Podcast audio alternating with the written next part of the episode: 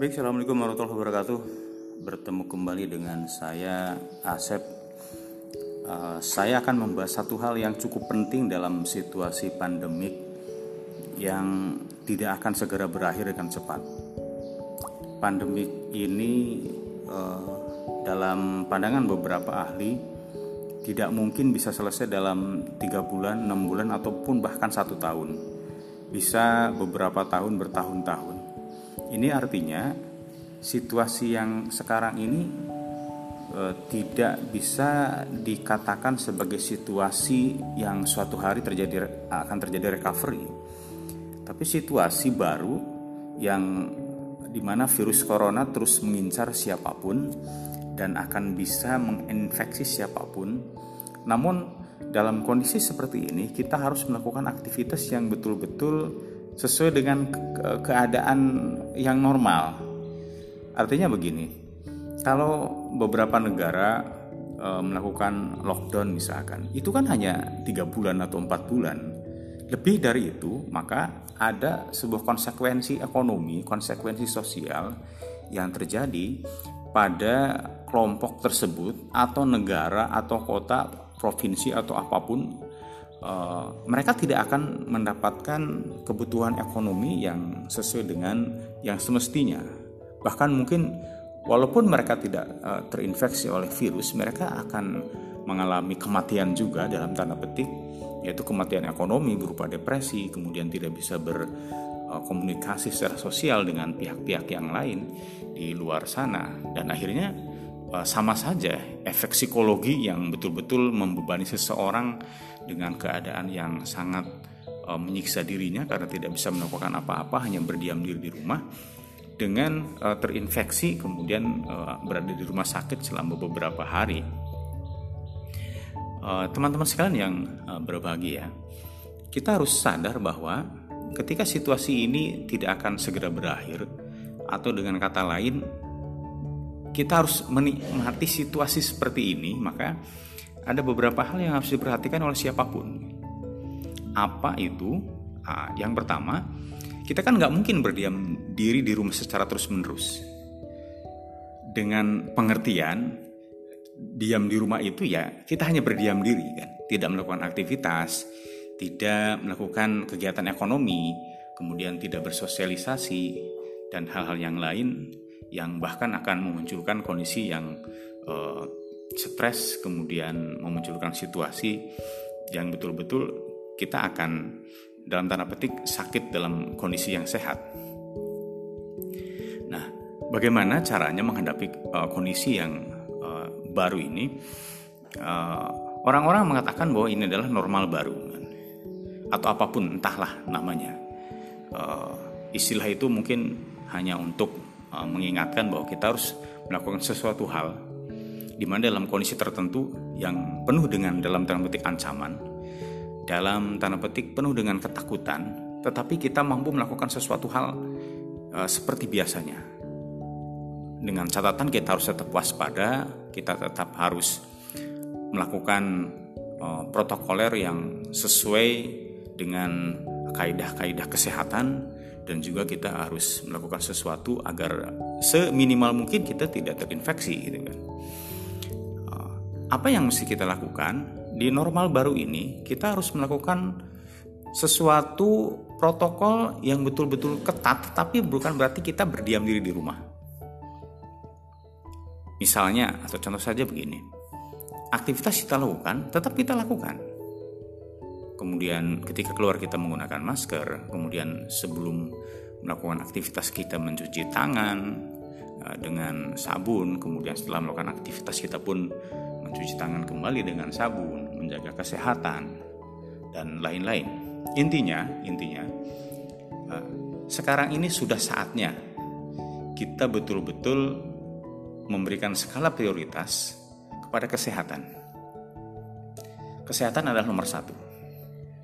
Kesehatan badan, kesehatan lingkungan, kesehatan diri, terutama kalau di dalam tubuh kita adalah kesehatan tangan kita, kemudian kita memakai masker dengan harapan apa yang ada dalam tubuh kita tidak keluar begitu saja dan bisa merugikan orang lain. Dan juga ketika kita menggunakan masker maka apabila ada sesuatu dari luar yang ketika kita tidak menggunakan masker akan langsung menempel pada kita.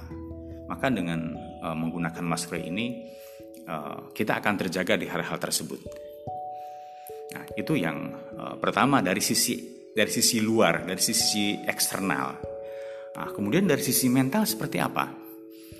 Ini yang menarik. Dari sisi mental ini siapa pun dalam kondisi seperti ini betul-betul dalam kondisi yang memang tidak dalam keadaan mental yang stabil. Ada kegalauan, ada kebingungan, ada kesedihan, ada rasa was-was. Apakah dua tiga bulan ke depan seorang karyawan masih bisa gajian? Apakah dua tiga bulan ke depan perusahaan masih bisa mendapatkan omset? Apakah dua tiga bulan ke depan masih bekerja? Sementara di sisi lain orang-orang yang di PHK sudah sangat banyak. Dan itu betul-betul membuat kita nervous, grogi, sekaligus berpikir jangan-jangan suatu ketika hal tersebut akan terjadi pada saya. Teman-teman sekalian yang berbahagia, situasi apa pun bakal terjadi pada kita kan. Bisa saja PHK bisa terjadi pada kita. Bisa saja pendapatan kita menjadi hilang. Bisa saja uh, perusahaan yang uh, di mana kita tempat bekerja tidak mendapatkan omset kemudian tidak gajian. Apakah bisa dipotong gajinya? Atau memang uh, tidak gajian sama sekali? Atau mungkin perusahaan Anda bubar dan harus mencari perusahaan yang baru? Harus bekerja di tempat yang baru. Entah seperti apa model pekerjaannya kita juga belum tahu. Tapi dalam kondisi seperti ini ada sebuah sikap mental yang bisa menjadi uh, referensi bagi kita sikap mental seperti apa sih yang harus dipertahankan oleh kita dalam kondisi seperti ini. Di dalam uh, kalimat yang sering digunakan oleh para ahli, mereka mengatakan agility, agile, atau dengan kata lain secara pengertian dalam bahasa Indonesia agility adalah ketangkasan tangkas dalam hal apa sih? Atau contoh sederhana begini deh. Ketangkasan uh, dalam pengertian yang uh, bisa dideskripsikan atau divisualisasikan secara sederhana adalah uh, ketika sesuatu benda itu jatuh ke lantai, respon benda tersebut bermacam-macam. Kalau benda tersebut berbentuk piring kaca, gelas kaca. Kemudian sesuatu yang bentuknya kaca. Sewaktu lepas dari tangan dan jatuh ke lantai, maka benda tersebut akan hancur, akan pecah, berkeping-keping. Kalau benda tersebut terbuat dari kaleng, maka kaleng tersebut akan penyok. Kemudian eh, benda apa yang jatuh malah mantul kembali ke atas bahkan ketika jatuhnya itu cukup keras mantulnya cukup keras ke atas. Itulah karakter bola pingpong kemudian karakter bola bekel atau bola tenis tenis lapangan ya. Ketika dipantul-pantulkan ke lantai maka semakin keras uh, seseorang memberikan pantulan maka akan semakin uh, tinggi dan melebihi tempat asal uh, benda tersebut dilepaskan. Nah, agility itu kira-kira seperti itu.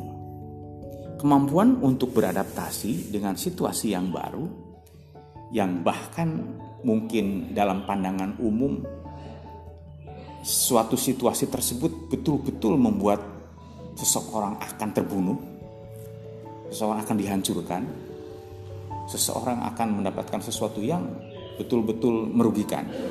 Tetapi bagi orang-orang yang memiliki karakter agility, maka situasi sesulit apa pun, bahkan ketika harus dibanting, dia tetap bisa mantul. Semakin kencang bantingannya, semakin kencang juga, semakin tinggi pantulannya.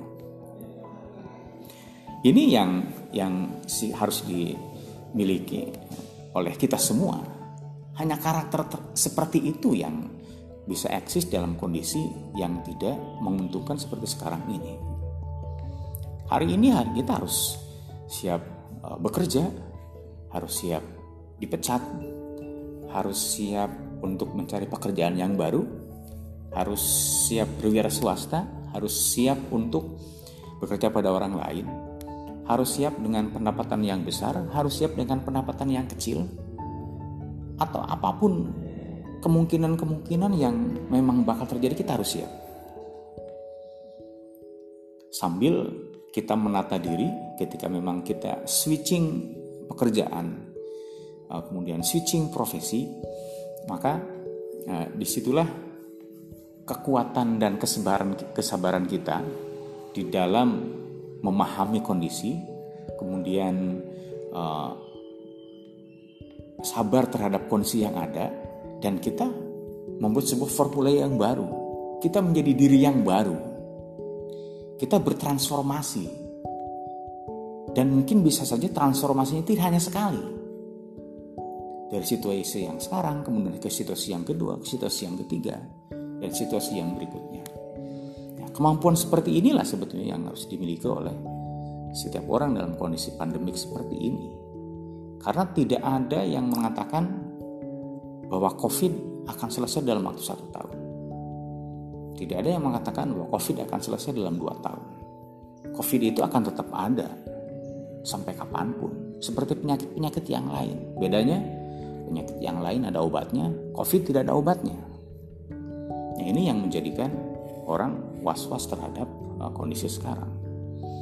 Namun, itu harus dihadapi oleh siapa pun. Kita tidak bisa berdiam diri berlama-lama kita seminggu di rumah saja sudah sangat bete. Satu bulan di rumah, anak-anak sekolah sudah sangat bosan, apalagi tiga bulan, enam bulan, satu tahun. Mau berapa lama kita berdiam di rumah seperti seseorang yang sedang uh, libur? Atau mungkin bukan libur, karena ketika libur kita bisa berjalan-jalan. Kita bisa pergi ke mana-mana. Ketika kita libur kita bisa pergi ke rumah nenek, bisa ke tempat wisata, bisa ke tempat-tempat yang menyenangkan tetapi ini betul-betul di rumah yang seseorang mengerjakan sesuatu yang kadang-kadang pekerjaannya itu lagi itu lagi sangat membosankan. Teman-teman sekalian yang berbahagia, hidup harus tetap berjalan. Perasaan, pikiran harus tetap optimis dengan situasi yang ada. Saya yakin kita diberikan otak, diberikan pemikiran, diberikan kecerdasan untuk menyelesaikan persoalan yang ada di depan kita. Dan masalah yang di hadapan kita tidaklah ya masalah yang di depan kita itu ya uh, tidaklah uh, lebih besar dari kapasitas pikiran kita.